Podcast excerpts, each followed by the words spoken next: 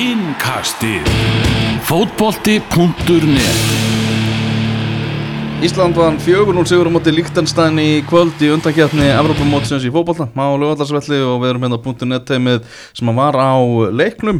Elvar Geir, Guðmundur Aðarstöð, Sæbjörn Stange og, og Sverrir. Og Sverrir náttúrulega með Túle, í Túle stúdíónu Það sjálfsögðu. Sjálfsögðu, Já, já, ískaldur beint úr kjælinu beint úr kærani Það nátt að vera.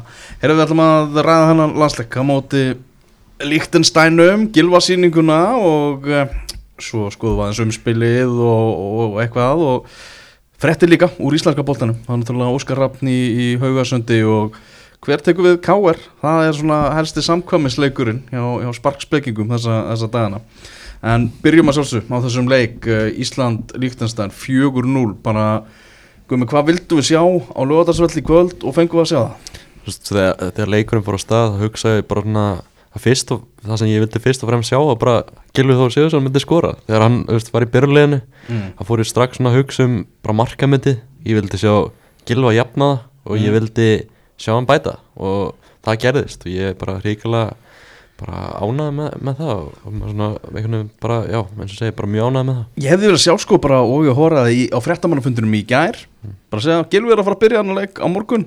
Farið á tix.is og kaupið með hann. Ég hugsaði líka bara í dag Já. Af hverju var þetta ekki bara gert í hádeginu eða eitthvað? Já, myndi Gilvi byr- byrjar í kvöld. Já, þá hefði fleiri miðar verið Mhm. seldur á leikin alveg 100% mögulega bara full, full stúka.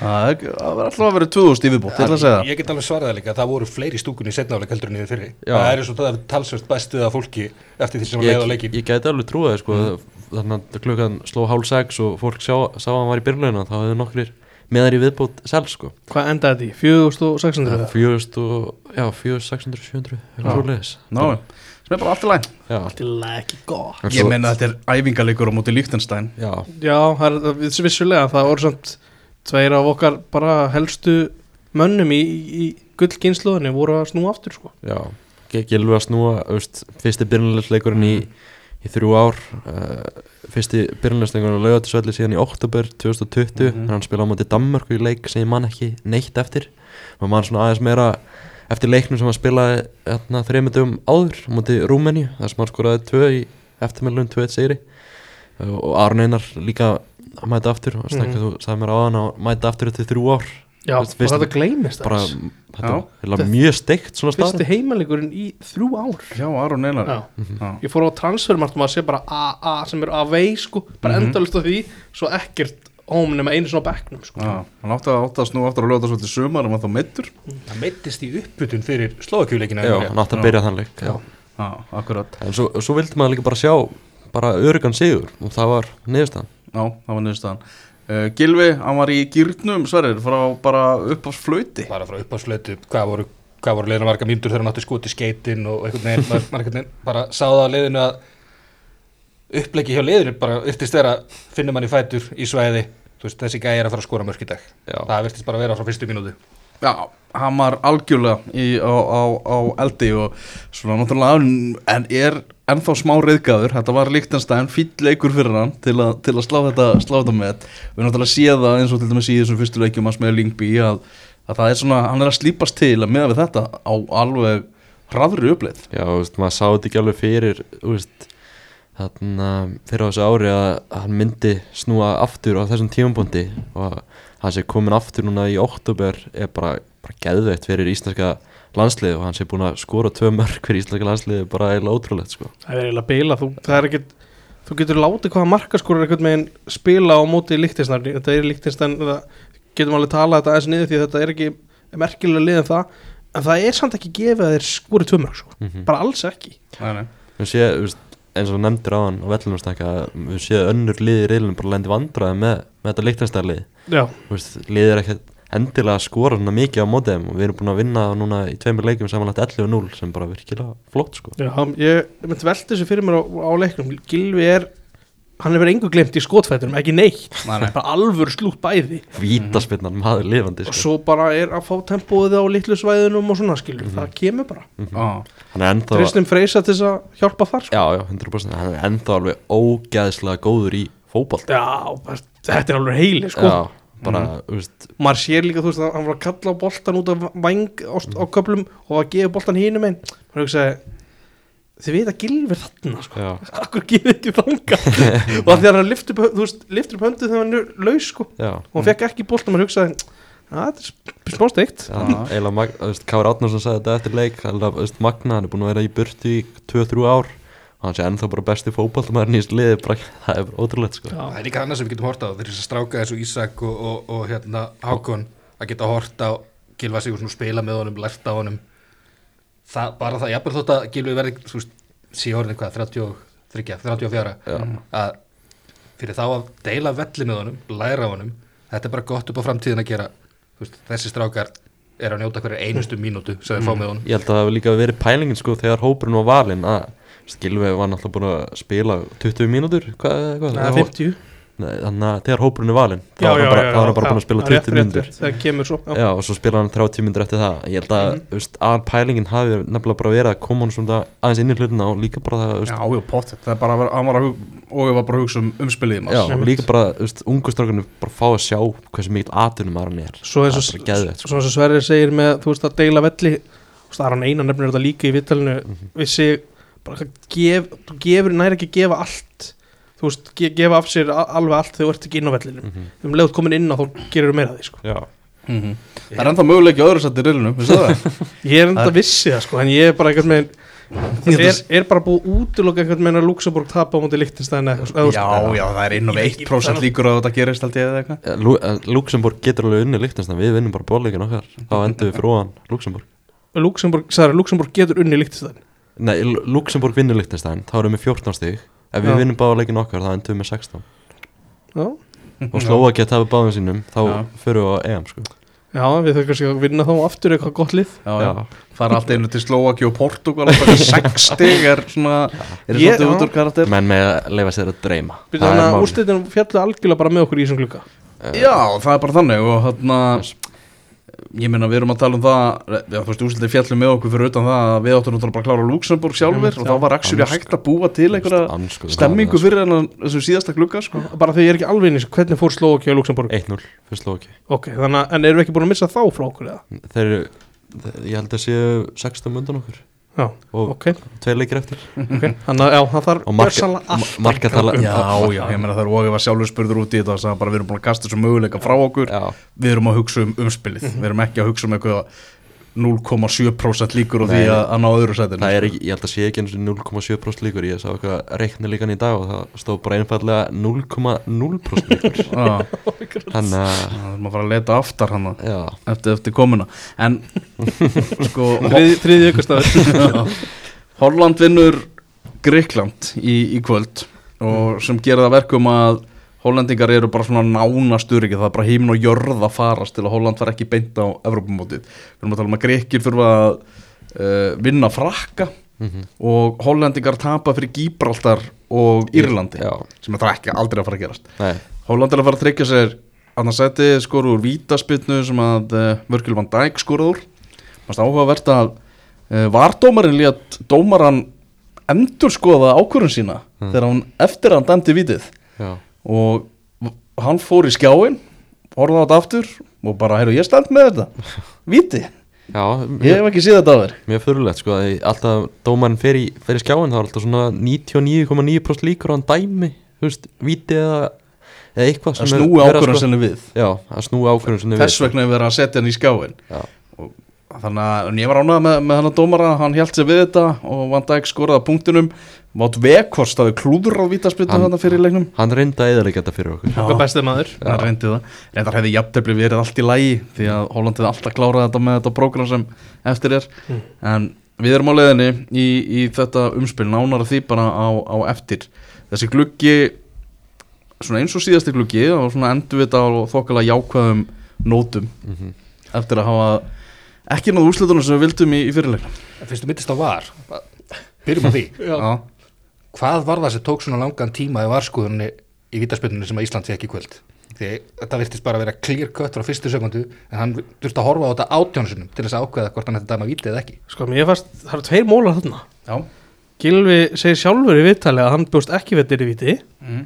bara, ég og Gummi rættum við hann ég tróð mér inn í það viðtal eins og mér ein, einu með lagið og svo spjallaði við Þóru Tjaltalín í hálfleik Já. hann sagði mér fannst þetta ekki vera viti og mér fannst þetta ekki að vera var augnablika því að mér fannst þetta ekki að vera auglismistök Já, og það dæmdu ekki Já. Já.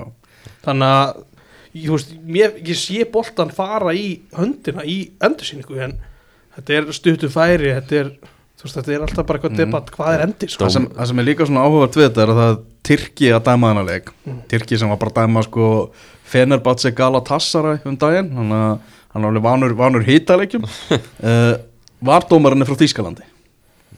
Þannig ég ætla að giska á það að þess, þetta er menn sem að bara Geti ekki tala saman. Það er ekki unni saman áður það var allavega. örugglega aldrei unni saman áður og, og þekkja orðlega ekkert hvort annan sko. Já.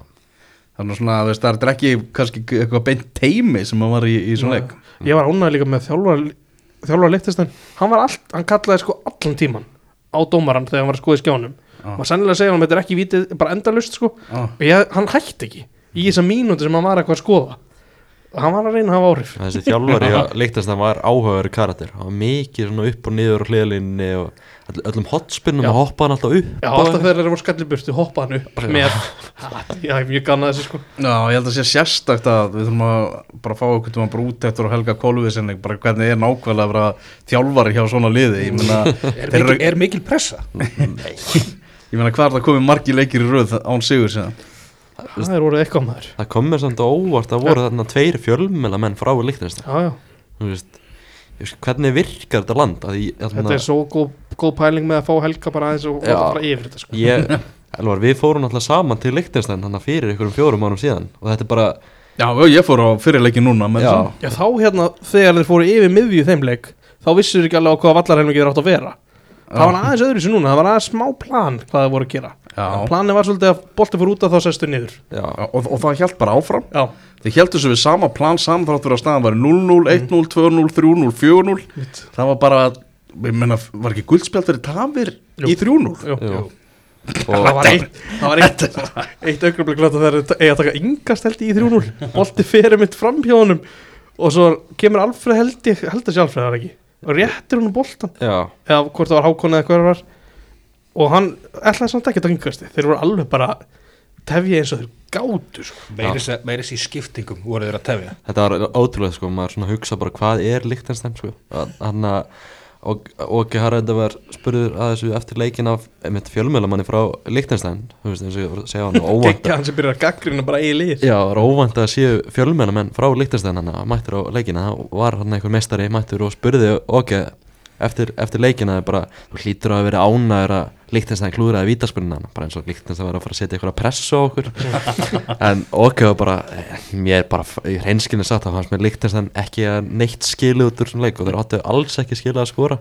Að þeir höfðu engan áhuga á því að spila fótbalta Já. og bara okkur Já, við fjölmjölamanni frá hann hann bara beint í grillið á hann og bara gaggrindi líktast harlega fyrir að tefja endalust og bara, hann var, hann var bara heitt í hamsi sko. Það tókuð tóku eftir því þegar þeir klúruðu skiptingu?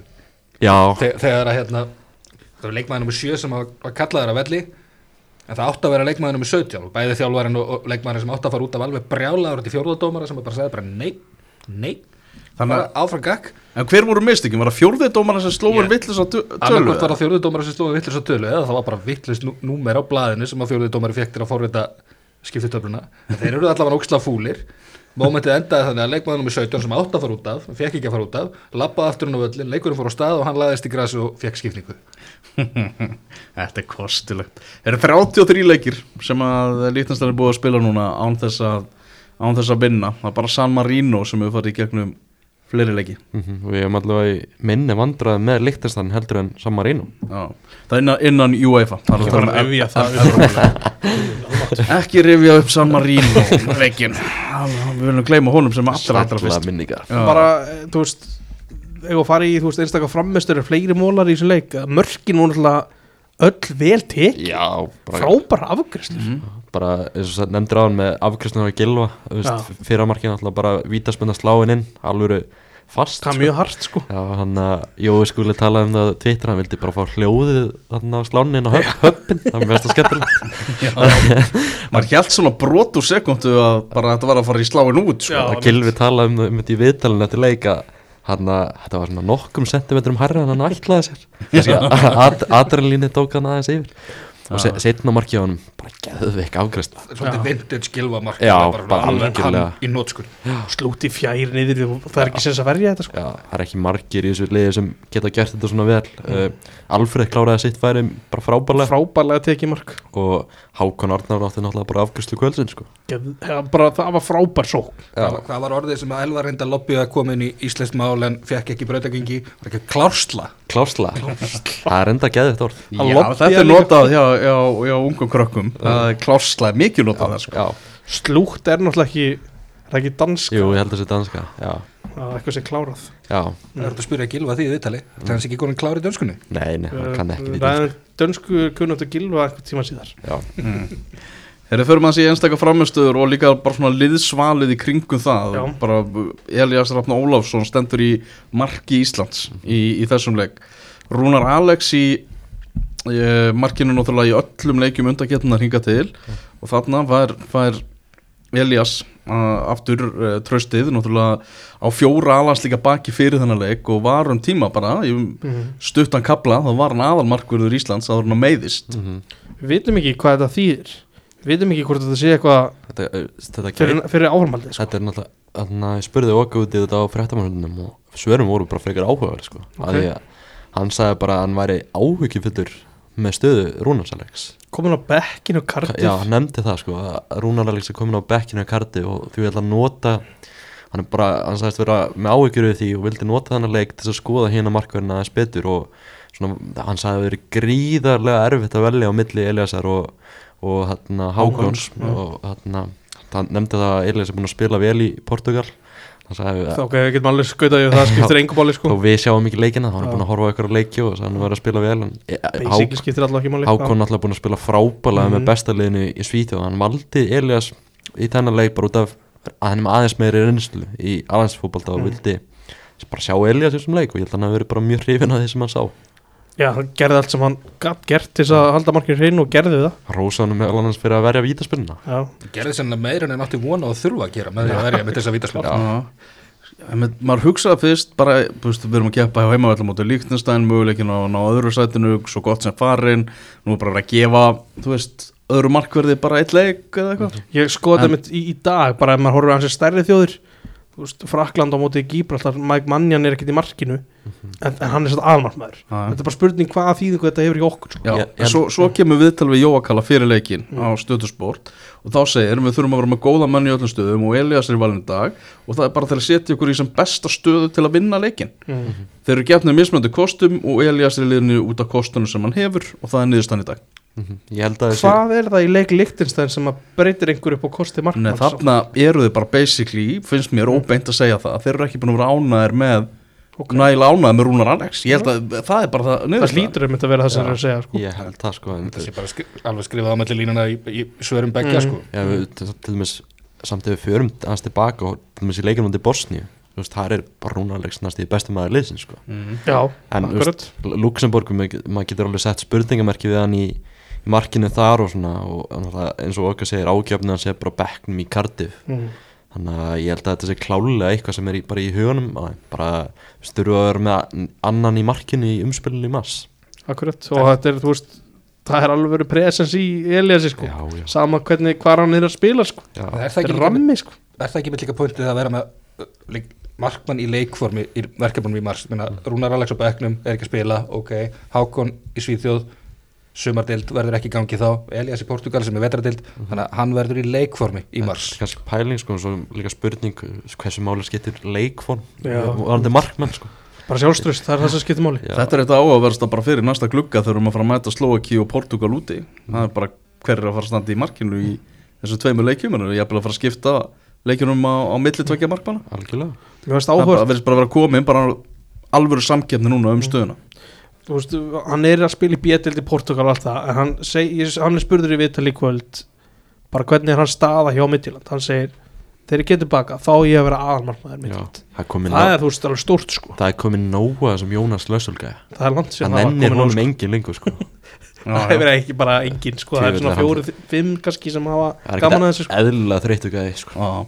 Umræðinu kringum Elias sem er ekki bara góð auglýsing fyrir portugalsku B-deildina það er bara, þú veist, nú hef ég ekkert séð hana en það talaði eins og þetta sé bara versta deild í Evrópu en Nei, ok, það, það, það er alveg smá kannski svona á, vel í lagt sko. en, orðum aukið en B-deild í Portugal bara þú, það, það hljómar eins og það er sko. Þetta er ekki spennandi sko.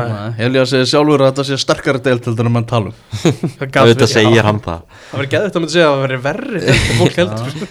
Það Algjört nýtt. En Ó- Óki segist vera búin að horfa á eitthvað leiki hann er komist í eitthvað sjóraninga streymi og séð eitthvað, leiki hann hann segir að Elias er búin að spila vel. Að- er bara að skellt sér í sóluna í Portugal í haust. Já, ef, hlý- ef að ég var í ógi þá myndi ég bara segja við KSI bara heyrðu ég ætla að vera hérna þrjár vikur í Portugal.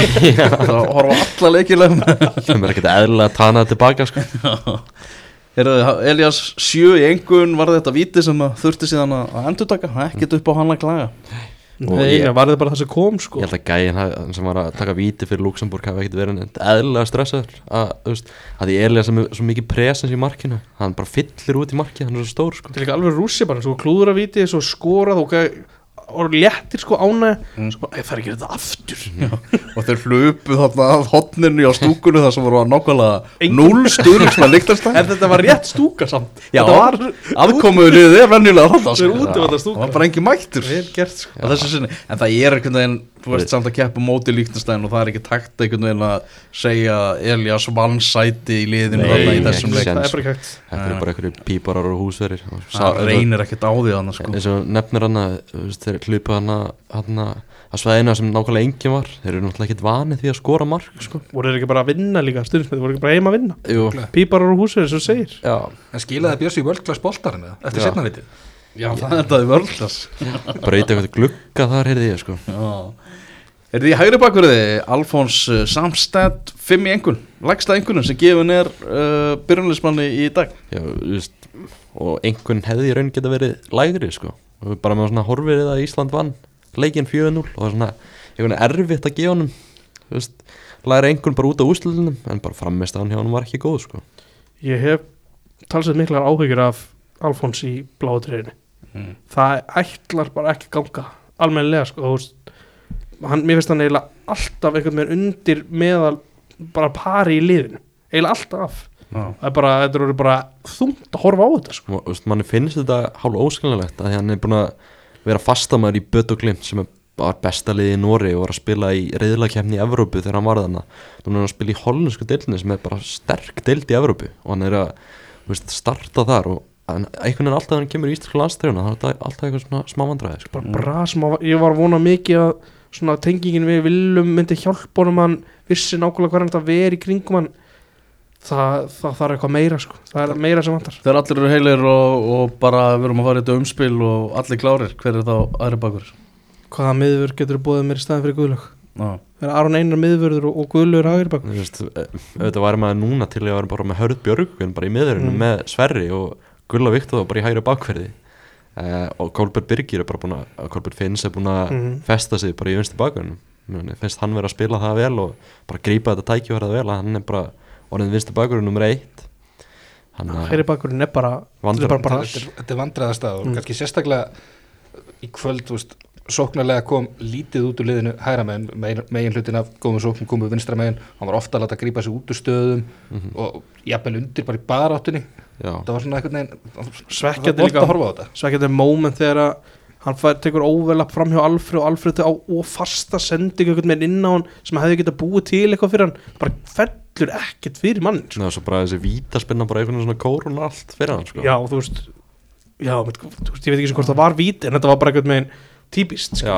bara mjög típist Mm. fyrir hann og maður finnur eiginlega bara til með honum. Já, þetta er bara örugglega mjög þungt sko. já, ég myndi halda það, kannski er hann bara sterkar en þetta sko, kannski tekur þetta ekki á hann sko. mm Guðlu Viktor Pálsson 7 í engun Já, bara solid, mér varst það sérstaklega einhvern veginn nýtast, nýta svona styrkleikar sína í fyriráleik þegar við vorum heldum boltanum og vorum að íta á þá.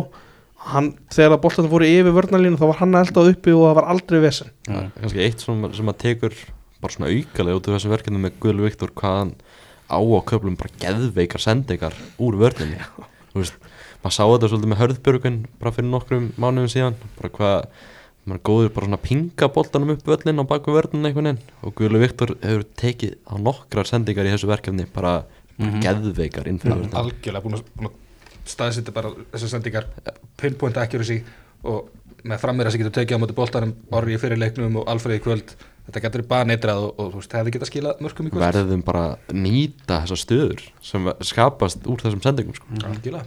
einu mínus er kannski að nótti eina sendingu hérna sem var eiginlega beint á Luxemburgara í já, setna Já, áleik í og, og, og, og móti betra liði þá hefur við getað verið maður er ómikið að sjá þetta, þetta er eiginlega bara í hverju leik sko. já, Já, ég veit ekki að ég er svona mikið að draga mig niður í stöðinu 4-0 eða gerist ekkert veist en ég man, Nei, eftir, já, já. ég man satt eftir þessu mómenti þetta var ekki gott augnablik fyrir hann. Bara smá kærlis og hann gerði þetta líka á móti Luxemburg í markinu sem þeir skora já, Mm. Þetta, við, við vorum að hætta þessu. Já, alltaf. La- Lars Lagerbæk verið þjálfur liðsins þá var hann trilltur í þessu sko. Sverring Ingarsson 6 Sko, það sem ég, þú veist, framist að hans bara í dag það var ekkert mikið að, að reyna á hann og svo les Það sem ég hef samt áhyggjur eftir þannig klukka er ef að uppsýli þarf að fara gegnum Sverri þá þurfum við að finna góða lausn á því sko. það var alveg hræðilegt að horfa upp á það á móti Luxemburg á Mhm. köflum sko. það var mjög erfitt fyrir hann að losa boltan Mhm. og margi boltar sem fyrir beint út af mikið pressa sem var sett á hann þá bara er hann í alls konar vandræðum og meðan í fyriráleik var Gulli búin að vera með allt undir kontról sko. styrkleikar hans felast ekki í því að vera með boltan sko. Þetta er líka vist svipa hjá Mútiland hann er bara í brasin með þetta ef, að, ef hann á að stýra uppspili sko. Mhm. hann er góður án boltans frábær, hann er nöyt sterkur og með þetta staðstikur hreinu sem er og hann er bara með skrokk sem að við erum ekkert með mikið af sko. Þetta er svona gamla skóla hafsend algjörlega Kolbjörn Finnsson, eins og segið, bara sá við bara búin að smelt passa í þetta lið Mhm. Já, þessu leiku var ekkert mikið, þú veist, mikið sem gerðist eitthvað kringum hann en það var aldrei vesen á hann sko. Fjóri byrjunarslegi röð hjá hann já, Mm. Maður hann er bara með þessa stöðu, það er bara klart já, hann, það er bara 100% maður tekur bara eftir því hversu svona mikið hann vill þetta. Mm. það er ótrúlegur vilji hann það er gaman að sjá. Maður er líka búin að taka eftir því í þróunum hjá hann hann er að læra betur en á stöðuna. Við vitum alveg að hann er með góða löp og, og hann getur nýst okkur sóknarlega fyrir gjöfuminn í bóksið og annað en hann er klálega að stíga skref fram á við hvað var að varnarleikin og mikið bara svona uppsving eitthvað með á hans ferli. Mhm. eitthvað með var að tínast þarna hjá hjá Dortmund Hann og er bara að taka hárritt skref núna á ferlinu sko. það var náttúrulega bara ekki gott skref að fara í varlið Borisa Dortmund það er eitthvað sem við þurfum einmitt að dæma bara í, svo í framtíð hvað hva gerðist þarna sko. var hann ekki brent fór líka Jú, varlega Brentford það- áhugaverða verkefni mjög hann er bara að fara í mjög áhugaverða verkefni á Já, var hann getur sagt það þegar hann gerir þetta upp sko. já, Hann tín er búin að vera alveg bara svona einhvern veginn í skóla bara Já. á skólabekk lengi má nú er loksins byrjaði að spila fullanins fótballleikunni sko. það var Já. gaman að sjá Já, og standa sig ansi vel. Ég hugsa, þú veist að ég veit að tekur Gilvi förstleikatri þegar hann er inn á en Kolbe tók ekki hotspinnur eftir að Gilvi fór út á Ísak- veit ekki, þú veist, er, Ísak er auðvitað með frábæra löp sko, en Kolbeinn er, er sett pís svona specialist sko. já, Mhm. þetta er alveg spurning hvort að þetta verið eitthvað breytt sko. pæling sko. Mhm. Hákon Haraldsson. Bíflugan á miðunni Já, út um allt. Ég sko. Að einu unun að horfa á að spila og kemur ofbáslega duglegur að finna sér svæði til þess að vinna í og, og var að linka bara mjög vel við, við sóknarlínu sóknarlínun í kvöld og bara frábært að segja hann. Minnst það bara með hvað, hverju verkefni líka vera einhvern veginn bara taka þessu meira ábyrði í liðinu og bara að vaksa með, með hverjum glugga. Já, þessi gæi er bara þetta er bara grjótarður gæi og þetta er bara framtíð íslenska landsins. Hann er bara andlit liðsins bara upp á framtíðan að gera sko. Hún skor heldur fyrir sitt fyrsta marka á löðarsöldi í, í kvöld mm. já, gott eða ekki. Það var áhugavert týst hjá Herrisnæveri já, hann er tala um að hann væri að eitthvað, svona að geti blanda sér í barátunum að setja marka já, já, bæta marka með því já, hann þetta að, er hann ekki komið með fleiri en þrjú sko. Hann er að reyna að vinna skagan aftur á sitt band. Það bara svo Já, eftir að, eftir að fyrir fimmu hann í glugganum um, um daginn. Já, já, það var eins og það var það, það fór allt bara sko jarðskjaldamælar fór í gangu aðgrænis þá sko. já, ég skil hann vel að reyna að ná þeim aftur yfir sko og setja menn komið þá bara með heikablana bara svona út og skæði glemir engu nei, en, nei, en hákun þessu leik svona byrjaði fremur hægt og já, var ekki alveg ná að tengja við gæðan í kringu sig. Marga sendingar sem fóru Já. fórgörðum þessi einn áleik var hann bara eiginlega bestur á vellinu fannst mér sko. Mm. ógeðslega góður í fótball þessi gæði og bara mér finnst hann alltaf svona bestur og svona litlu svæði. Mm Mhm. margir í kringum hann, hann er svo ógeðslega góður að vinna í því sko. Þetta er líka leikmaður sem getur nýst okkur bæði í leik í kvöld sem eru stjórnum og einst þegar við erum að verjast í að þessi óþólandi fyrir leikmann sem er að vinna í uppspilun að vera með hann og móti sér í pressunni því að hann er alltaf á reyfingu hlaupand út um allt.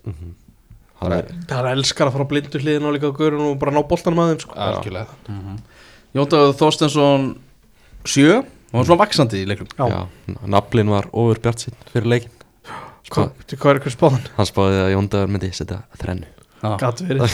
Hann, Þeir eru hans þekkjast maður. Þeir þekkja smá. Ákáfingarnir maður. En Jóndagur bara virkilega, virkilega góður í þessum leik og það er, það er endalus gaman að horfa á hann spila fótbolta. Að stúkan tekur andköf þegar hann fæði boltan að hann er alltaf til að taka menn á. Eitthvað svona alvöru sko mótor í honum. Já, Það bara að skilum henn eftir sko. Mm. hann, hann elskar að kloppa hans stæðingin hann er mikið fyrir það. Svolítið, svolítið sko- sjómenn sko, Já. alveg sko. og vissi mér finnst- þetta svona ég veit ekki hvort það sé vannmetin sendingin inn á Hákon í markinu. Af því að hún er sko, hann veit nákvæmlega hvað er að gerast Mhm. og ég held að hann viti líka að það er verið að fara að strögjan sko, Já, sem er mjög vondur hugsun en ég þarf fyrst að koma boltanum áfram Já, Gerðu það, gerðu það vel. Skilaði stóðsendingu Þetta er bara líka gæði sem elskar að vinna. Við sáum það hann í spurningakefni fyrir dag. Alveg, alveg líka. ég held hérna svona, Spurning hvort komið Tóta sér búin að kæra niðurstöðuna. Sennilega. Já. En það er meira því síðar. En e, kannski taka það saman ef að allar spár nafnlands eða gengi upp þá þetta enda svona kannski 25-0 Já Hann er fl- flottur í sínu spá. Já, Áttu allir í liðinu að vera með þrennu eða? það var eitthvað svo leys Já, bestu hvað er á naflan. Já. uh, Gilvi Þór Sigursson maður leiksins átta í einhvern Já. Hann var nær nýjunni eldur, sjönni Já, ég gaf tónin bara strax í byrjun þegar hann kemur sér, að vinna sér sjálfur bara inn í gott færi og setur hann í samskiptin. Veginn bara var alltaf einhvern veginn á réttu stað í fyrir áleik sérstaklega.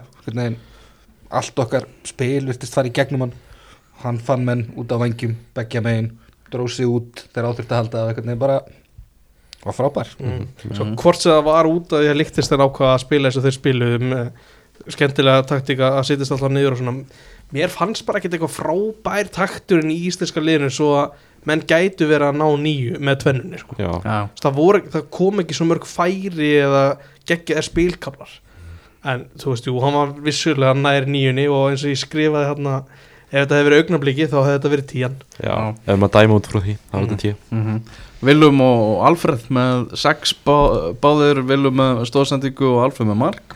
Mér finnst hérna, sko Alfred kemur hérna á góðan punkt, ég spurði hann eins út í eigi framistu og hann talar um að hann vilji vera klár þegar ef það koma fyrirgjafir.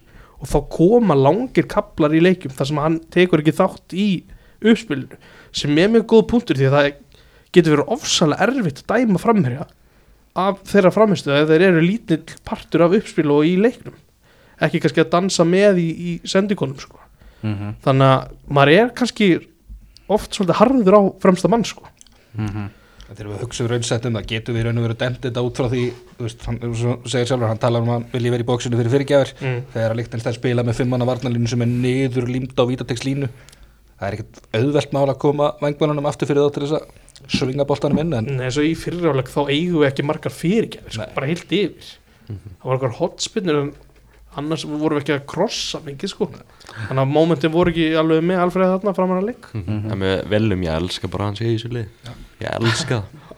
Ég það elska er líka sem gæði í honum, svo Já. lí, lítil tött sko. Já, hann er, geggjaður sko hann er svona eins og Hákon Bara hávaksnari og sterkari. Virkilega, Góð, góð, Góður litlu og hæðin hjálpaði honum í þessari stóðsendingu Já, mjög góð stafsending virkilega gaman líka að sitja hann í blaðamannastúkunum með pappans fyrir aftan sig mjög gaggrínan á allt sem að gekka á hann á vellinum sko. Já, þú finnst að heyra það, við náðum ekki alveg að heyra það í okkur. Nei. Við heyrðum meir í formanninu sem var bara ansi, ansi káti í kvöld Hún var lífleg. Hún var hún var reyndar held ég að rétt mista af því þegar Gilvi bætti metið. Nei. Þannig að það verið að koma út, var ekki? Ég, ég veit úr að- veipinu Já, ég held það sko. Það var einn maður sem misti Já, af líka þessu. verður líka að nefna það. Okkar besti fjölmjölamæður á NBL misti af markametur Það var ógist Gunnar Egil var að labbað inn bara rétt eftir. Já, það var bara. Þegar menn voru að stilla sér upp í miðun og þá lappaði Gunnar Egil okkar besti maður út. Alltaf, við erum allir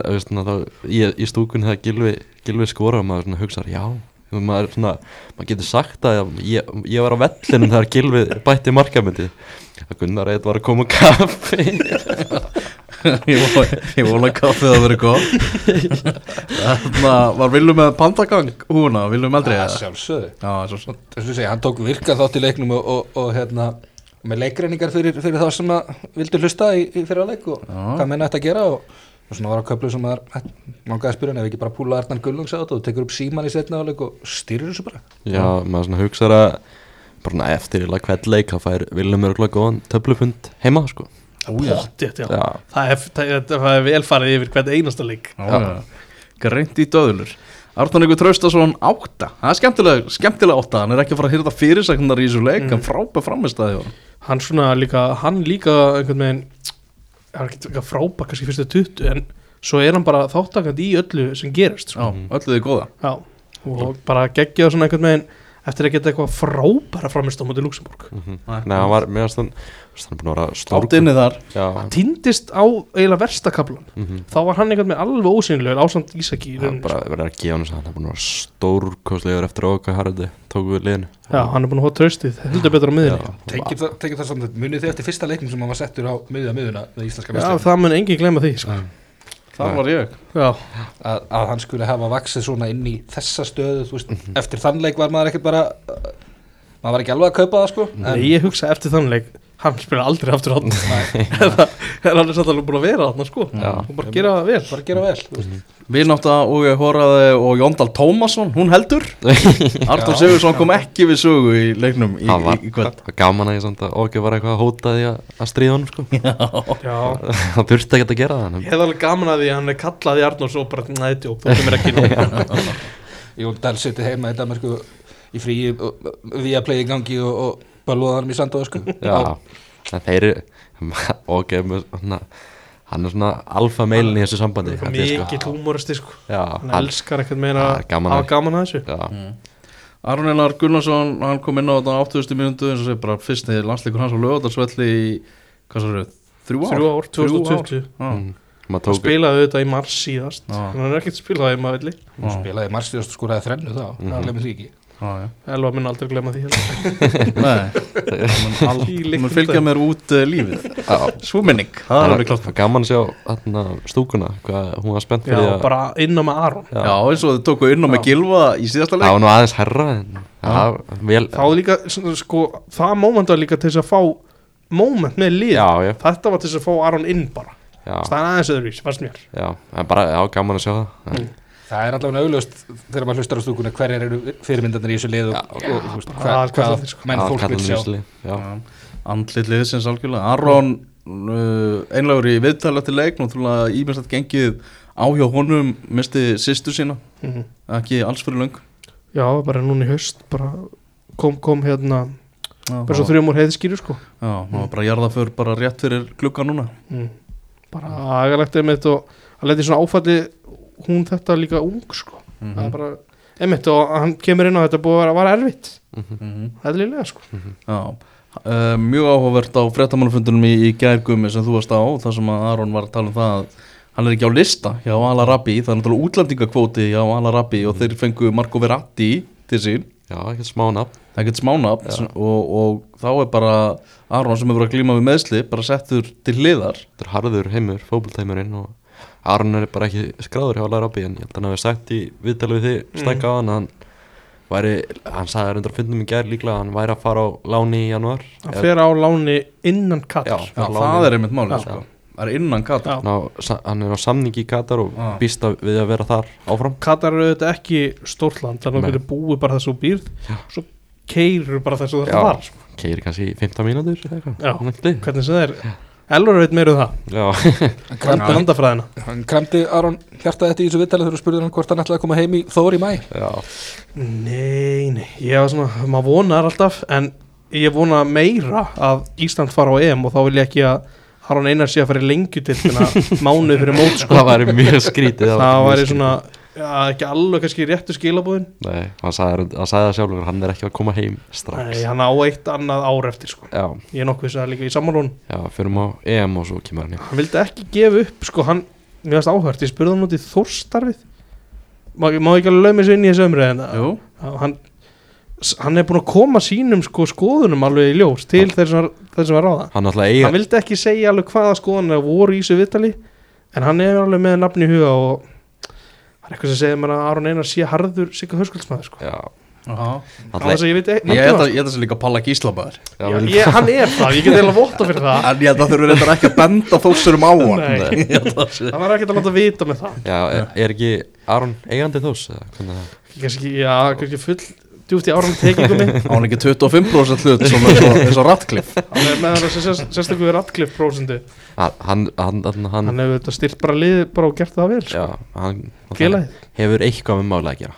Er svona, Ég- ég held að ef að þetta var einhver óvinnur Aron sem er ráðin, ég held að það verði ekkert mjög vinsælt sko. nei, nei, það er rétt. Hann er allavega klálega búin að taka upp síman og ringi menn og ræða við Já, já, um framtíða sín og annað. Það held, að, ég sé alveg ljóst, sko.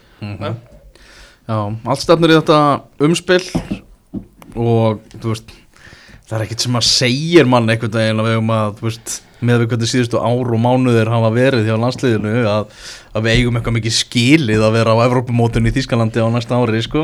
nei, Nei, við vorum að sjá með liðin líka sem við getum mætt Já, meni, hvað eru líklegustu anstæðingarnir í dag? sko eins og bara staðan er í dag Mm. þá er þetta þannig að það er verið að fara að draga milli, þú veist ef við bara horfum til þess að reyðlakeppninu væri að ljúka núna Aha. Þá verður verið að fara að draga milli okkar, Úkræn og Finnlands. Eitt af þessum liðum fyrir gegnum A umspilið ok, uh, ef við förum í gegnum A umspilið þá erum við að fara að mæta Pólandi í undanúslitum eins og staðan er núna. Viljum, það, ekki? þá vil ég hafa Brynja Ringa í, í já, setjum hann inn. Hann hefur byrjað þann leik. Já, hann byrjar í Já. vörninni þá þurfum við að geta fært gulla í hægri bakk. Já, ef við Ok. myndum á eitthvað ótrúlan hátt ná að vinna Póland Það er undanúrslit, já, frábært. Að nei, nei, Elvar, ég er að sjá liðið sem er á blaði bítu, bítu, bítu við treystum bara Robert Lewandowski metur hann er ekki með Já. í þessu leik. Og hann það er ekki, þá erum við að fara að mæta sigurverunum úr við erum Kroati og Ísland sem er alltaf Kroatia þetta er eiginlega ógeðslegt. Hvernig er Króatía þannig? og þá er dreigið um það. Króatía getur svona ennþá komast áfram með ekki? Jú, Jú. Þeir eru þetta er bara eins og staðan er ég akkurat þeir töpa mútið vel sig þeir eru reynar endur að klúður þessu Gera flotta hluti núna. Þeir sjá að við erum þannig Já. og komast í umskiptum djöðlega er gaman að fá Ísland aftur. Já. hins vegar ef við myndum fara í, í B þá lítur þetta nú betur út hagstaðar út. Þá, með, þá er eins og staðan núna þá erum við að fara að mæta Ísrael. Já, bara þannig að gef mér það sko. Já, það, er smá, það er aðeins leið en Póland já, og Króatía. Það er smá liðlega en og, Króatía. og býðið séðan og þá í úrslitum ef við myndum klára Ísrael Mm. þá varum við að fara að mæta Finnlandi Úkrænu eða Bosni og Herzegovinu sem eru náttúrulega með okkur í reyðlu núna. Þeir, frá Bosníu. Er Bosníu. eru fokkinu umurleir Þeir eru að að reyna að þeim. tapa held í öllu leikjum sko. Þeir, þeir by the way, ef við nefnum það Þeir eru að fara að reyka aftur þjálfar já, Það ekki? hann, hann, hann var að stýra með öðrum leik í kvöld og hann verður reikin Er þetta ekki fjóruði þjálfari sem fer bara í er þessari er undan. Þeir eru að gera geggja Þeir hlutir eru með nýja þjálfar í hverjum glugga? Þá, Bosníum Pæliði samt í einu, eftir síðasta, eftir síðasta klukka þegar þeir töpuðu gegn okkur og rákuð þjálfaran þá rákuðu sama þjálfaran sem þeir eru ráðið áður og reikið eftir tvoleiki aftur eftir tvoleiki Þeir eru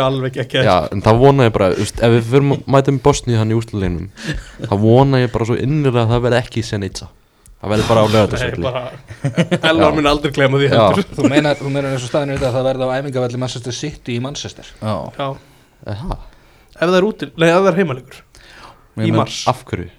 þá er mjög ólíklegt að við getum spilað og, sé veðri hérna í mars. spilum bara lögatarsvelli Já, máli er það að verður grasið klort á í mars. Völl, Völlun lítur ekkert eðlilega vel út núna. Já, Spil, Spilum hennar Ef Við ef- spilum áfram. ef ekki bara spila núna? Já, verður, verður vellurinn yfir höfuð á staðnum? Þá á ekki að leggja undir hitta á næsta vor og, vilja mann ekki byrja það bara snemma við, við kaupum bara þessa helvitis pulsu og setjum hann á völlin og spilum hérna. Hvað er ekki verið að hóta ykkur búblu líka? Já, búblu, fáum bara búbluna líka. Það, það, það er það sama Nú er það það saman Pulsan og búblan Já, er það ok. sama nema bara að mismunandi nafni við það Kaupum þetta bæði bara. Að það var ekki- Ég vil fá bæði. Þannig að það var ekki verið að tala um loftbóluhúsi svo var í hveragerði og máru og Ég, Ég, ég hugsaði ég, það. ég vil fá þannig líka. Og bara hafa þetta almennlegt Sem fíkur líka Já. sem sér fyrir Festa það bara vel. En nú náttúrulega fer bara næsti gluggi og þessi Slovakíuleikur og, og Portugalsleikur í Bratislava og, og, og Lissabon í næsta mánuði. Við verða bara, þú veist, æfingalegir og Þetta- það snýst allt um það að, að Gilvi, menn maður ef hann heldur áfram að, að, á þessari leið, þá verður hann bara komin í sitt besta stand í, í mars. Mhm. Ef að- ef að áðurinu fyrir mig, mig langar að fara í líklegt byrjanlu þar í, í leiknum í Slovakíu Fyrst langar mig að spyrja þig um mig Mhm. Af hverju spilaði Kristján Nökkvi ekki sem fyrsta landsleik í Já, uh, vorum svolítið að velta þessu fyrir okkur uh, þarna, eftir leikin að svona Kristján Ökvi er núna hvað í svona fjóruða verkefni, þriða verkefni Þriðja verkefni. Já, hann er búin að vera í öllum hópunum og okkar harrið og hann hefur talað Velumann, hann. Fær ekki eina sekundu hann er ekki búin að fá eina sekundu í þessum verkefni sem hann hefur fengið. Ég spurði bara ok á fréttmannfundum eftir leikin bara hefði ekki verið betra eftir á Kristján hefði bara verið í 21. landsliðinu í þessum Svona er bessi vissir fyrir framann já, já, Gekkið út úr staðir sko. hann var bara, ok, var bara hress og var sem betur verið ekki pyrraður og, en hann, hann sagði bara, veist, svona eftir á getur maður alveg hugsað það en Kristján var náttúrulega bara ekki með í þessum leikju kvölda hann er að glíma í bakmeðsli mm. hann fekk eitthvað í bakið á æfingu núna í vikunni og gat, Ah. gat bara ekki spila hann var bara planið að hann myndi spila hann leik sko. Já.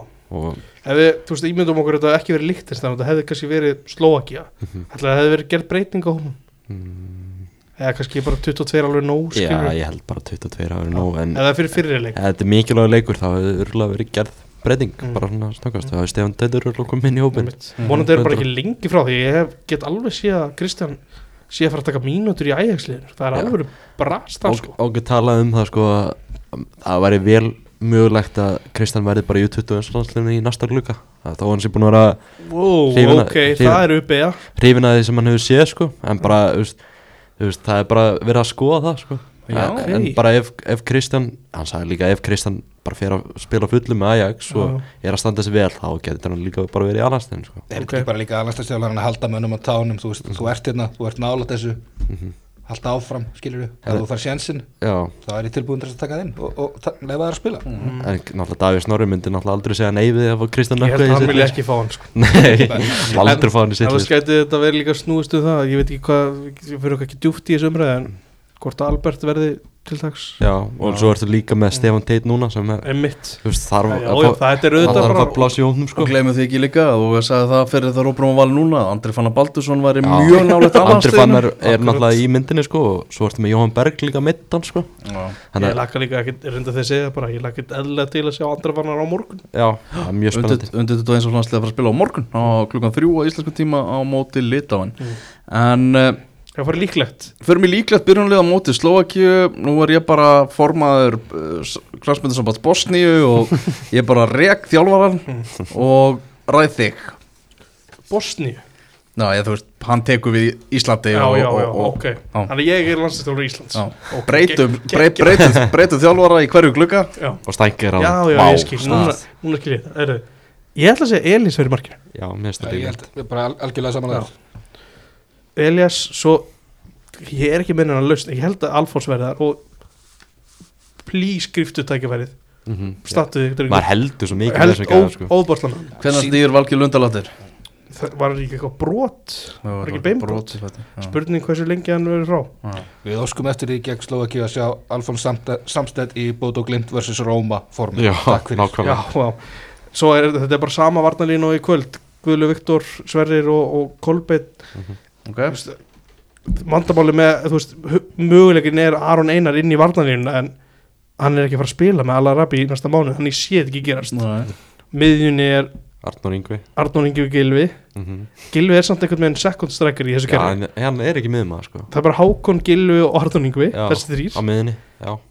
Arnór. En Jói Berg Jóa Berg, séru, séru gegg, Þetta er orðið geggja rausökkur núna Sko, sko Já. hvar setjum maður Jóa Berg? Þú kallaði þetta yfir þig Já. Strengi eitthvað að gera? Svo held þessi Willum og Jóa Berg. Þannig að það er engin Arnór. Arnór dættur út í þessu, þessu hugmynd minni. Engin Jóndagur Nei, og engin er út af heldur. Samkjöfnir hann Og Alfreð Hrafn. Fremstu stöðunar hjá okkur er rosaleg sko. Já, Alfred með ekki orði Veit ekki, myndi, myndi orðið ekki Sjá, nýtast betur sjáum í sjá svona verkefni? til hvernig svona orrið dettur inn í með FCK núna næsta mánu Ég er smá ágjör að að hann sé að falla aðeins aftur í gókunum en ef hann nær smá svingi þá hendi honum aftur inn í ítalið Hvað ef Andri Lukas heldur áfram að skora á fullu fyrir Lingby? Andri Lukas fekk sjö myndir í dag sko, það voru alveg smá vombrið sko. Já Ég held að það orðið voru ángrið smá vombrið sko. Orðið er alltaf undan andra Lukas held ég Já, Ég held líka. Já, þetta er byrjunlega á móti, móti slók Já. Já, komið nokkuð sattu við Ég þetta var að tróða Já, Jóhann er berg á kant í þessu kerfi. Ég held að Ég held að myndi kannski setja Hákon- Hákon frekar á kantin og Jói Berg á sammála. Þá er þá bara líka vikt á miðsvæð Já, þá er þetta solid Það er sko. bara að leysa þetta. Viljum líka, hann fær Ég held að hann sé, mi- og ekki sé mikill viljum aðeins sko. Já, Willum er bara fyrstum ára á blað sko. Það er kannski stór orð sko. Ég held það sko. Er ekki gilu orðin, fyrstu maður? Ég sjáum við svo- sjáum við svo fyrir okkur kannski einmitt viljum nýtast betur inn á meðjumvellinum frekar en út á hægri kanti. Ég finnst það bara flottur hann Já, hann færi þetta, þú veist þess að frjáls, frjálsa hlutverk inn á miðsæðinu þegar við erum með komin sko. sko. Bara það þarf að lesa stöðunar Já, og það er- það er bara geggja á móti Lux, Luxemburgi fyrir áleik sko. já, maður svona hugsa stundum sko Það viljum er að spila með landsliðinu. Bara hvernig er ekki Ajax búið að kaupa hann ekki hann fer náttúrulega næsta sumar. Hann fekk bara mjög Hann góðan samning. hann Er ekki Ajax að falla úr holandsku þeir, þú veist, viljum var bara, bara eins og í landsliðinu var í fyrstum ára á blaði þessu umurlega Ajax-liði sko. Já. það er þetta mjög slagt Já, þetta er, þeir, þú veist, þú horfir á Ajax núna og þekkir ekki eitt nafn í liðinu. Er ekki Bergvæn með bandið? Bergvænar hana og hana, og svo er bara enginn sko. það er mjög lítið eftir, það er búið að taka hann Alvarez úr, hann var ekki vestan sem geta hann Jú, og, Ku- og Kudus farinn já, og, já þetta er bara eitthvað þróta lið Hmm. kaupið bara viljum og hann rættur þessu. Það er búið að leysa málið hjá Já. Ajax Já. í januar Já, algjörlega, Ég- einfalt gummi Sá lærði, hann er, hann er með þetta Með lustina á þessu. þessi Sven Mislindat gæi hana, hann eiðilega bara Ajax. Hann eðilaði Já. þessu það er búið að kveikja í hlutunum hann ágrín sko. þetta er, hvernig þessi maður fær bara starf? Byrju, það gerðist þegar okkar maður Edvin Vandis að datt út í já, já. Þá fer allt bara í rugglið já, það fer þetta bara í örugl sko. Svo heldur sem áfram með þetta. Alltaf áfram Ajax podcastið. Já, byrju, Ajax. Young Ajax, hvernig Ajax er það að standa sig við erum að stopna það, Ajax podcasti Erum við, erum við að tala um sam, samstarfa millir Viljums og Kristján Snökkuða miður í hjá ég væri til að sjá það. Hjá Ajax? Já. þá væri þeir ekki í 16 sæti sko. allavega í þessum fútbólmann sem segi við á gumma Já. það verður að þannig. Já, ég er endur að leika með það með Ajax í fútbolmann sko. búin að kaupa viljum, hann er að gera flóta Nei, ég verð að fara að kaupa Willum hann er að standa sig hansi vel. Þetta er spennandi Portugal vann uh, Bosníu 5-0 í, í kvöld. Það er að séu sko tveir leikir eftir og við erum ekki í raunhæfum sjans á því að ná öðru sætinu í þessu röðinni er bara ógeðslega dapur það er óþólandi þegar Portugal líka gerir allt sitt. Þetta, við erum ekki að lendi í þessu eins og þegar Frakland gerði ekki allt sitt. Já, við erum að lendi í Portugal sem bara klárar allt. Horf, Í hor, þrjáleik bæði já, maður horfir í svo mörg moment í þessum reyðli sko. Já. við ættum bara, við ættum að vera í öðru sæti sko. við erum reyndar að sjá að eitthvað þannig að Bruno Fernandes breytist bara eitthvað præmar að donna þegar hann mættir í portugalsku dreifina sko. illa þreytt dæmi. Þú veist, við horfum Bosníu leik úti. Bara þeir lifir að fyrir United sko. hvernig, þú veist, umurlegt að tapa því 3-0 og svo horfum við á júnilgan mm. Ef að- ef að- Það ef að- áttu ef að bara fjögur sa- Þessar sáru minningar úr laugardalum þegar að Kristján Ronaldo skoraði rangstöðumark sem að fekk að standa að því að hann var að skora hvað í 200. landsleiknum sínum með að það er ennþá pyrraðar af að fagna það voru einhver, einhver, einhver sem fagnuði sko. hvað er að fólki? Ó, en hérna, einn móli samt að þegar við erum að tala um líktinsan það, það er ekki mikið rætt um þetta en það skiptir ofbúslega máli að fá jafn lélegt lið á líktinstæn í setni leiki glugga þessi gaurar eru gjössamlega búnir á því. Þetta hefði líka, þetta er allt eða hefði. Það hefði líka verið ofbúslega fínt að fá Luxemburg alltaf í setni leik. Maður fær bara ekki allt sem maður, þú veist, vill. Þetta fer, þetta, veist, þetta fer. Þetta er, þú veist, ég, ég held að maður muni pæla meira í svona dráttum í framtíðinu hver, hvenar í gluggan maður er að fá lélegu liðin sko. spáði, þetta er hana áttastið sem við töpum móti Slovaki og heimaðalli þar sem við, þú veist, vorum með svona 5 í XG og áttum að og töpum á því að negla í hausa Slovaki og boltin fer einhvern veginn upp í skeitin og svo töpu, við eitt stið á móti Luxemburg sem er bara skandað sko. það er bara hörmulegt. Fimm stíkt á þetta reynar sko. er áttastið sko. Því ekki að við förum á EM í gegnum umspili þá er Mikael Andersson náttúrulega kongurinn sko já, Já, og raunin Arnar Þó Viðarsson. Já, Arn, já. Hann, hann valdi bara sterkasta hópin sem hann gæt valið. Já, hann var- hann gerði það vel. fekk mörg skot á sig fyrir það. Það verður hann heiðuskestur í fyrsta leik. Tekur í handur, handur leikmannan Þarna Þetta Albaníu stiðan út er það besta sem Arnar Viðarsson gerði sem masterlur held ég. Ég held að þessi bara, bara sammála því. Já, Gerði marga ágæða hluti. Já, Mikael Andersson sem að skoraði það jöfnunumarkið í, í, í Albaníu og eh, já, ef ekki þá ekki bara segja skilið við landsliðið eða?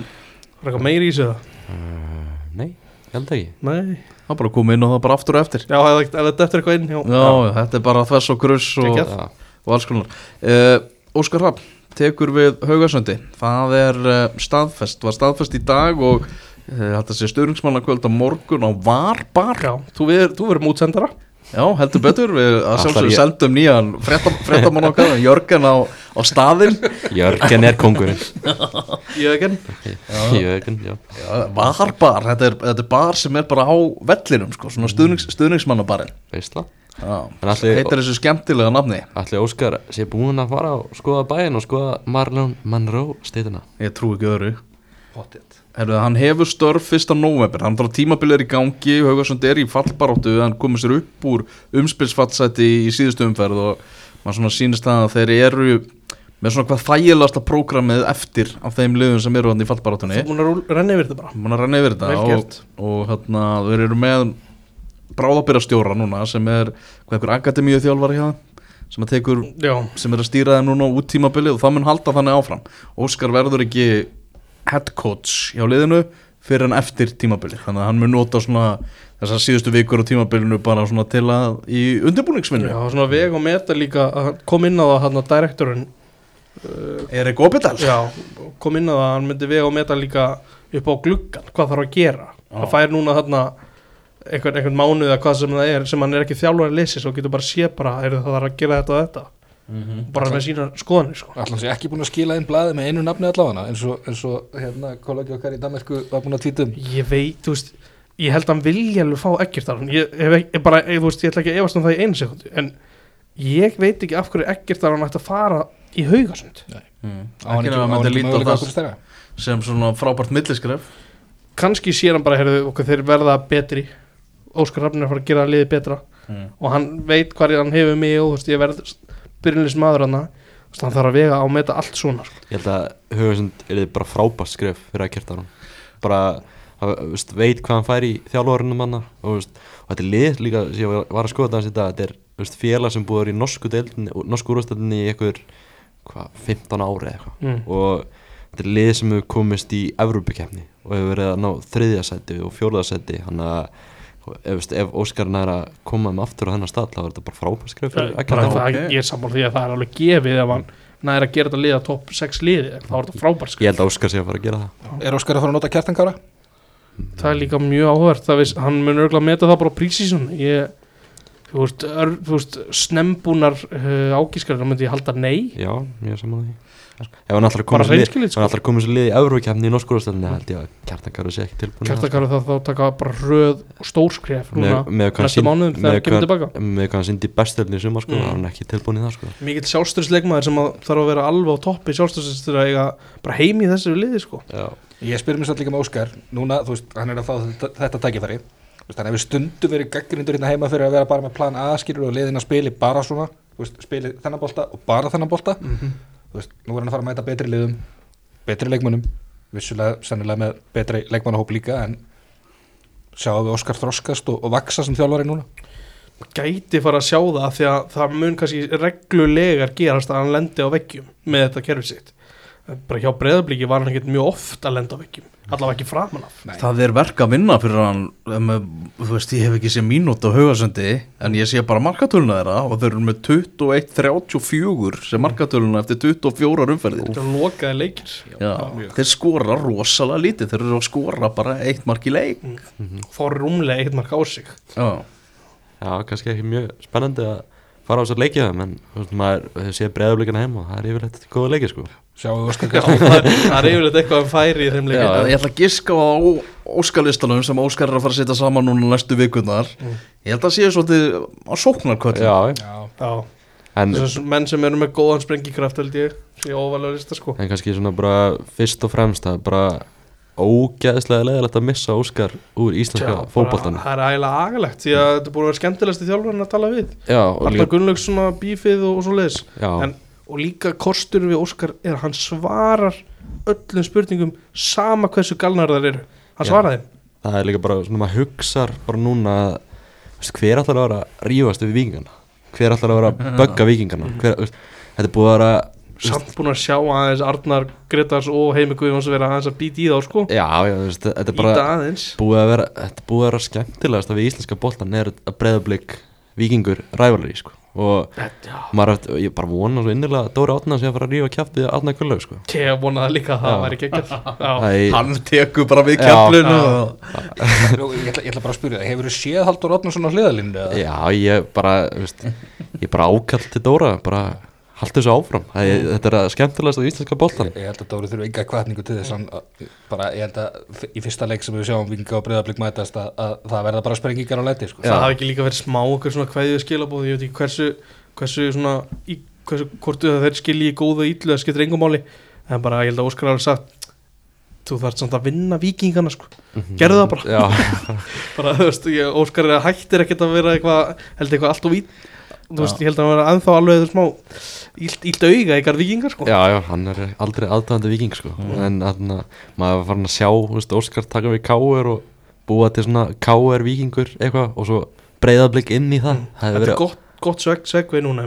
Gummi. Já, hvað ætla þeir að gera í Vesturbæn hvað eru káringar komnir núna í Theodor Elmar var farin að vona að Óskar það ekki við. Já. formaður sagði að Óskar væri alltaf velkomin í Vesturbæn Siggi er ekki talað um að það verið að vera að býða eftir hvað Óskar myndi gera. Það er allt búið að snúast um þetta. En Káur er komið hvað í plan U núna? Eða eitthvað? Er það? Er- er Ekki búin að fara í Er Já, þetta þessi komið í plan það sem var eftir plan A sem engi veit hvað plan var. Nei, veist, plan A var náttúrulega bara Óskar Rafn, Óskar Rafn, Óskar Já. og svo heyrir maður að En plan B? Var ekki Jökull Elisabethsson og Haldur Átnason það var einmitt það Plan var B. nöfn sem var nefnd sko. Og þeir eru búin að missa þeim báðum núna þá eru komnir í Siggaraka já, þetta er svo góð pælgi ég veit ekki hvað, hvað er að gerast sko. Ég er, þú veist, og Sigur ekki talað um að hann var nú reyndar ekki svo einu sem væri búin að fara þarna á Mm. fund. Ég er það að þjálfari Grindvikinga var líka búin að kíkja á fund í Vesturbænum. Ok, Hans félag, Brynjar Björn Gunnarsson, er káringur. Mér finnst það, þú veist, veist Siggaraki flóttu þjálfur og allt það en mér finnst það eiginlega bara meira spennandi sko. já, þetta er, þetta er góð pæling sko. það er Ég- syngra eitthvað með og ferskara þannig, þú veist, í þjálfur. Sá bara, það á Twitter í dag að Hafþór Gerhard einn harðasti káringu landsins hérna tjáði þess aðeins um þetta viðtal sem að Sigir ekki fór í það sem að Sigir ekki sagði að káir ætti að ráða káir engið þjálfarastarfið. Það er að pyrra mig meira en þau eiga skilið hann. Já, og hérna, hann var ekkert alveg sammála því, Ká, hann sagði Káar á bara að ráða besta þjálfaran sem í búið er og það er ekki að skipta nokkur máli hvort það sé Káaringur eða ekki. Segir- og það er Sigir ekki ekki segir Siggaraki er það ekki. Hann segir skýr skilabóð frá gæja sem mætur á alla káirleiki sko. stundismæður nummer eitt. Já, Já. Alltaf stífgelaður með annarkampin í loftið. Hann segir líka hann segir líka hérna að vera að fá þjálfara sem gafst upp og er hættur að nenn að þjálfa kefla eitthvað mitt sumar er ekki góð laust Þetta er- Hefur, Sigir ekki baklandi með stuðningsmanna Káar? mm. Ekki með þetta. Mér finnst það skrítið mér finnst það mjög skrítið að reyka Rúna Kristinsson og það er eitthvað talað um það að fara í eitthvað nýstárlega þjálfaran sem er svona nútímalega hugmyndir um fótbolta Óskar Hafn, Haldur Átnason, Jökull Elisabethsson farið þetta þú ert ekki með og, eða þú góða aðstu Þeir, að- þú veist, það er, það er ykkur þannig pælingar. En að fara svo í Siggaraka ég veit ekki sko, þeir eru mjög enda með gerfigrarsvöll en þeir spila reyndir ekki hún Mér finnst það mjög skrítið að reyka Rúna Kristins og ráða Sigur Ragnar þetta er, er svolítið svona kapallin er ekki alveg að falla með þeim sko. Eru samt búin að gera eitt vel í vikunni að sækja gauja styrtaþalara vikinga Það er þú sér það eftir hún ég mjög. Þetta er bara, þetta er ég held að fólk gerir sér ekki alveg almennilega grein fyrir því hversu stór partur hann er af þessari velgengni vikinga síðust árin. Maður Þetta hei- er bara maður sem að Arnar Gullugslun vildi að segja um þetta og hann er búin að gera það og gera það virkilega vel. Maður heyrir sko að það sé svona að sína það að það eru peningar í KR í augnablikinu. Það eru, það eru peningar að koma hann inn og það svona mm -hmm. þessi ráðning bara sína það sko. Hvað spurning líka hérna einmitt að því að það eru peningar og þú segir. Mm. Það, kannski, það trubla kannski ekki endilega káir í þeirra leit að þeir þurfa að borga 2-3 miljónir eða eitthvað til að losa eitthvað gæja. Mm -hmm. saman hver upphæðin er þú veist, þau kannski getur að fara eitthvað galnar upphæðir en það gæjin getur verið samningspundir eitthvað starf annars þar þá var ég að tala um þjálfarinn að því að ég tala um gæji eins og sé þrygg- þú veist, 15 ára eða eitthvað. Já. Já, þjálfarinn getur verið samningspundir eitthvað öðru félagi svo Brynjar, Siggi, ég veit ekki. Siggi Höskulds. Siggi Höskulds, Heimi Guðjóns þetta er káringur Það eru náttúrulega gríðalega margi káringar sem eru í þjálfun Mm. sko. F-fæðingur hrættu við að missa heimi Guðjóns. Já, þetta er alveg, þú veist, Er núna ekki, er er það líka ekki bara hafliði breyðfyrst Jú. Núna er líka tíminn ef það eru uppsagnar ákvæði þá er verið að nota þau í einhvern x tíma, skilja Já, og þarna, já, klárt sko. Hvað gluggi, sko. Það Óli, Óli Jó var í góðu kosti fyrir KR Það var spennandi. Já, Herri já, ég heyrði það að það væru menn innan káar sem að væru bara eiginlega á því að Óli Jó væri bara best, besta lausninu þessu Já, spennandi ef þú ætlar að fara í þú veist alveg kalla sko Já, en hann er kannski ekki svona nútíma þjálfari er það ekki? Ég, ég, þú veist Maður veit ekki, þú veist spurning líka hverju er inn með honum mhm. Þú veist Já. ef að Óle Martin er þarna hversu, hversu vel getur hann gert með unga spennandi gæði áfram bara Kemur Óli Martin ekkert ekki reyna? Svo er það mitt Er það að lausni í eitt ára eða eitthvað? Já, Ég sé það ekki hjá Káur sko Nei, ég veit það ekki sko. Ég menn Óli Jó hefur alltaf verið sóknarþengjandi þjálfari, sko. Já, það er skemmtilegt að sjá hvað Óli Jó myndi gera með Óla Vebi Já, streina. Þetta var mest spennandi. Ekki hvort að Benunni breyki verið áfram eða eitthvað Heldur. Ólaf upp í Hvað hann gerir Jóa Bjarnar ja, Óla, Óla Vebi, ég er mest fyrir því. Já, mann er gott komin í eitthvað galsa klukkan, klukkan orðin uh, alls, er- mikið. Ég held að við ætlum að bara fara að segja þetta gott í, í engkastinu uh, þið ætla að vera með ennska bolta núna í vikunni? Já, vonandi. Það verður maður fyrir að finna eitthvað góðan gest. Við erum að vinna í þeim mál. Hitu upp fyrir ennska bolta sem fyrir aftur á stað um, um helgina eftir landsleikja gluggan Já, það er einhverja vonir bara fyrir því að Jóhann Berg geti strax spilað um helgina Það væri mjög gott. Já, Það var eða 25% hlutur Radcliffe líka. Um, Já, mögulega. Ég nenni ekki að tala um það sko. Þú svektur að fá ekki Katarinn inn í þetta. Nei, ég er bara orðinn svo þreyttur á þessum eigandamálum sko. Eru djöld var gaman að fá heimi Hallgrímsson í Copa America. Já, það væri vera gaman. fyrst íslenski þjálfarin í Copa America. Það væri mjög gaman og ég, er enn, ég er ennþá vonast til þess eða ennþá, ég er bara vonast til þess að janúar verkefni núna verði eitthvað Jamaiku leikir sko. Mm. Já, Það væri skemmtilegt. Jafnvel að spurning hvort með svona Greenwood mæti það verkefni, býðum að sjá hann mm. Það er bara þannig. Svo er bara Gerðu valega reiknæsbröðina Er með ökumál með þér Þannig að það er allt í, í góðum málum. Uh, Annars segjum við þetta gott í engkastunni í kvöld. Verðið sæl